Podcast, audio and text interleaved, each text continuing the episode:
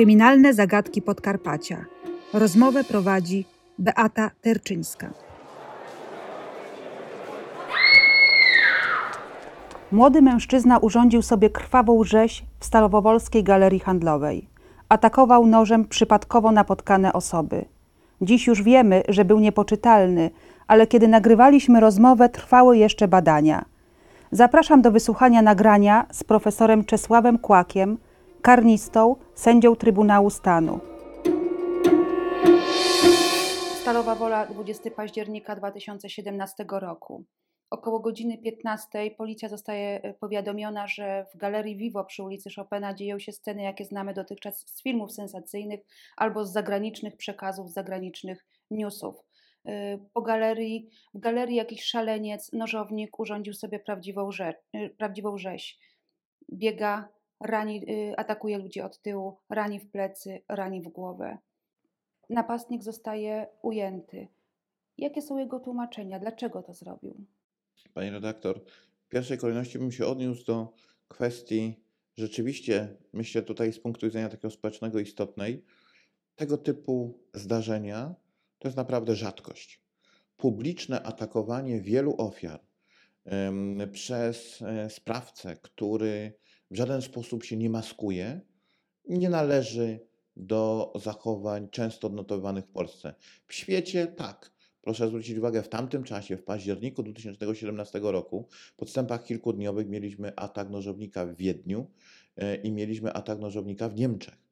W związku z tym to nie jest coś niespotykanego w ogóle w Europie, niemniej jednak należy do rzadkości. Ale spodziewalibyśmy się tego y, raczej w większych, większym mieście typu Gdańsk, Warszawa, Wrocław, Kraków. To nie można tak powiedzieć. Tu nie ma reguły.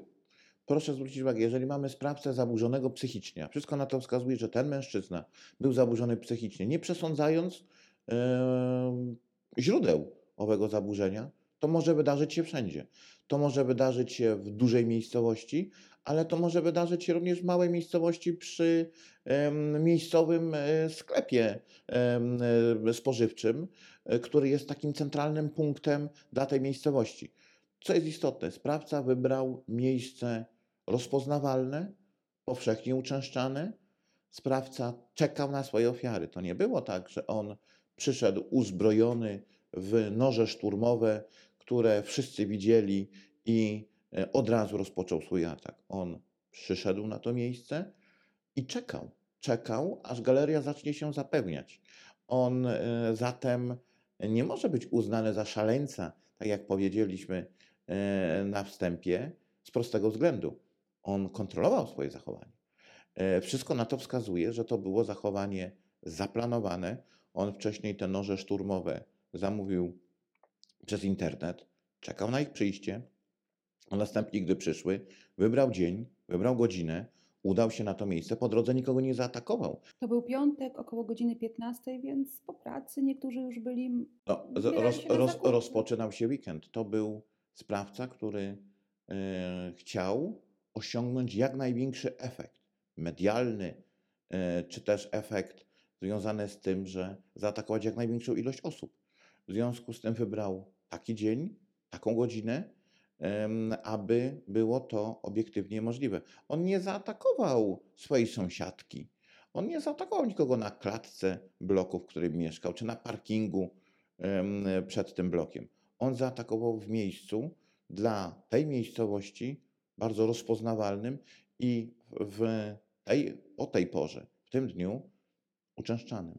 Atakował przypadkowe osoby. Niestety jego ofiarą y, padło 10 osób, 9 osób ranił jedna kobieta, y, 51-letnia, niestety zmarła.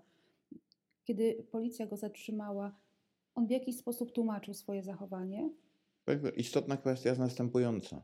E, Atakował bez żadnego kryterium. Atakował po prostu osoby, które pojawiały się na jego drodze. Nie wybierał kobiet w określonym wieku, mężczyzn czy też dzieci. Atakował wszystkich, którzy tam byli. To po pierwsze. Po drugie, te tłumaczenia to e, powiedziałbym nie tyle próba uniknięcia odpowiedzialności, ale raczej próba wskazania na jakieś e, na jakieś tło tego zachowania, przy czym pamiętajmy o jednej rzeczy. Postępowanie się jeszcze toczy. Mężczyzna wśród te prawa jest e, chroniony zasadą domniemania niewinności. My nie wiemy, jaka będzie jego ostateczna linia obrony.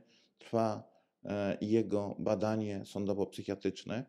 Może się okazać tak, że biegli finalnie uznają, że był niepoczytalny. Bo najpierw trafił y, do aresztu w Krakowie na Montelupik, właśnie gdzie znajduje się oddział psychiatryczny.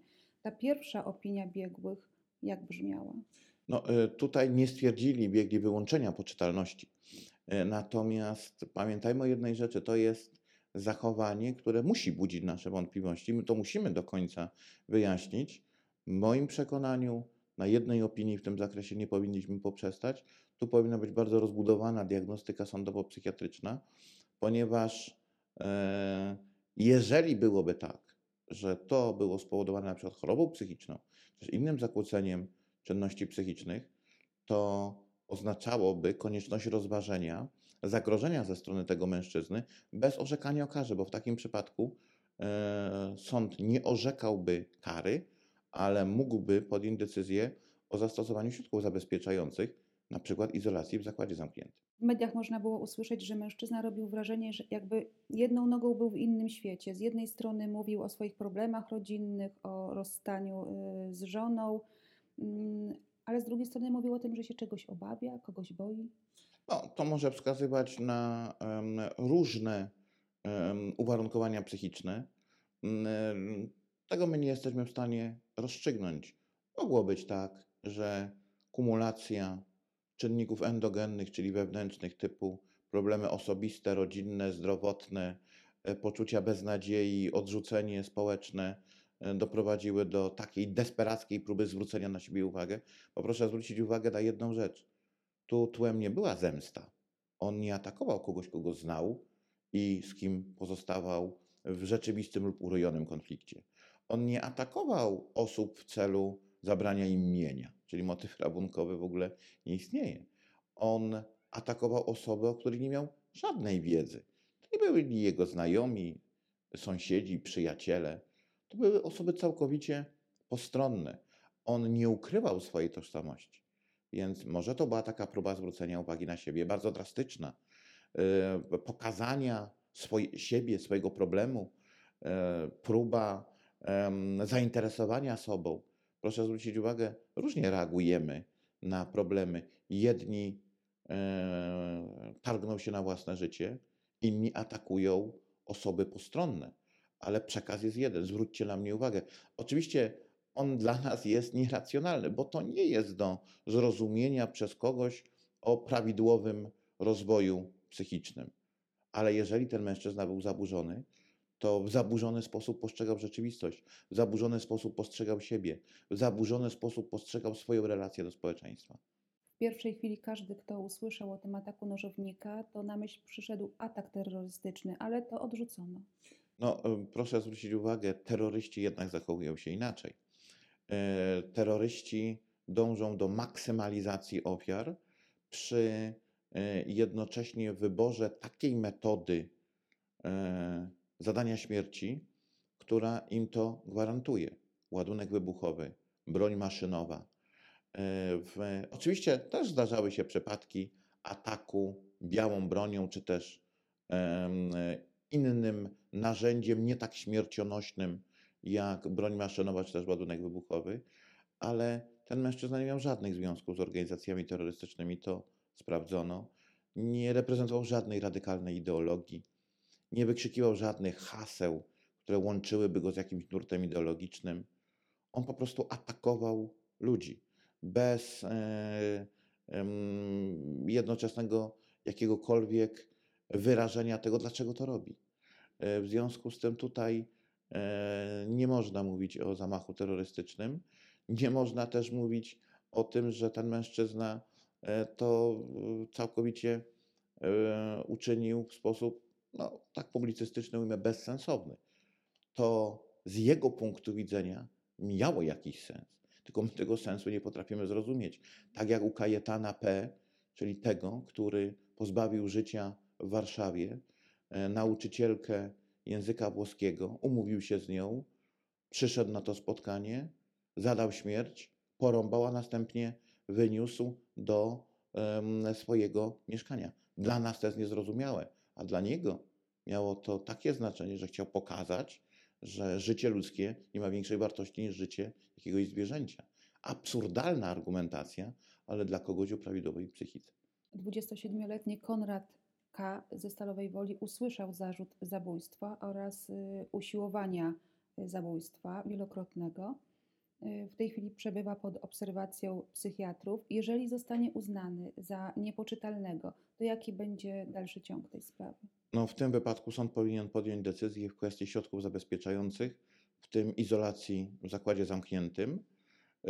No, jeżeli mamy do czynienia z agresywnym mężczyzną, który jest w stanie dopuścić się takiej zbrodni, to w moim przekonaniu zachodzą przesłanki do takiej izolacji. To jest izolacja bezterminowa, ale co pół roku biegli opiniują odnośnie do zmiany, ewentualnej zmiany stanu zdrowia danej osoby i sąd podejmuje decyzję w przedmiocie kontynuacji obserwacji. Bardzo dziękuję. Dziękuję bardzo. To nie koniec. Dr Arkadiusz Szajna, kierownik Laboratorium Badań Wariograficznych z Wyższej Szkoły Zarządzania Ochroną Pracy w Katowicach, wyjaśni pewne kryminalne zagadki. Co by było, gdyby sprawca tej masakry w Stalowej Woli swoim działaniem sprawił, iż na przykład trzy lub więcej osób poniosłyby śmierć? Należałoby się wówczas, proszę Państwa, zastanowić nad przypisaniem mu określenia zabójca wielokrotny. Jednakże na tym należałoby poprzestać? Czy wyróżniamy jakieś rodzaje zabójców wielokrotnych? Otóż tak. Wyróżniamy, drodzy Państwo, trzy rodzaje zabójców wielokrotnych. To jest zabójcę seryjnego, szalonego i masowego. Za zabójcę seryjnego uważa się osobę, która zabija co najmniej trzy osoby w ciągu więcej niż 30 dni. Przy czym między kolejnymi zabójstwami ma miejsce, można by to nazwać w cudzysłowie przerwą. Istotny jest taki element, o którym za chwilę powiem, pozwalający na odróżnienie, drodzy Państwo, zabójców seryjnych od szalonych. Zatem różnica między tymi dwoma typami zabójców polega na tym, że seryjni między przestępstwami przeżywają tak zwane okresy wyciszenia, trwające nawet do kilku miesięcy, w czasie których wiodą normalne życie, w sytuacji, gdy zabójcy szaleni takich okresów nie doświadczają. Ponadto w przypadku tych ostatnich odstęp między pierwszym a ostatnim zabójstwem często jest krótszy niż 30 dni. Zabójcy seryjni planują, wybierają swoje ofiary oraz miejsce przestępstwa. W przypadku, gdy sprawca X nie może namierzyć właściwego, odpowiadającego mu człowieka, zazwyczaj podejmuje decyzję o rezygnacji z popełnienia zabójstwa w danym czasie, odkłada je na przyszłość. Będzie zatem czekał. Ta cecha również odróżnia zabójców seryjnych od szalonych. Odnosząc się z kolei do zabójcy masowego, należy podkreślić, że według Johna Douglasa i Roberta Resslera zabójstwem masowym spotykamy się wtedy, gdy w jednym miejscu ponoszą śmierć w trakcie jednego zdarzenia co najmniej cztery osoby. Zatem w sytuacji, gdy w wyniku działania zabójcy w jednym miejscu tracą życie dwie lub trzy osoby, to należy mówić odpowiednio o zabójstwie podwójnym lub potrójnym. Zaś zdaniem Ronalda Holmesa oraz Stevena Holmesa, zabójstwem masowym mamy em, do czynienia wtedy, gdy śmierć osób wystarczy trzy. Następuje w jednym czasie i miejscu. Kryminalne zagadki Podkarpacia.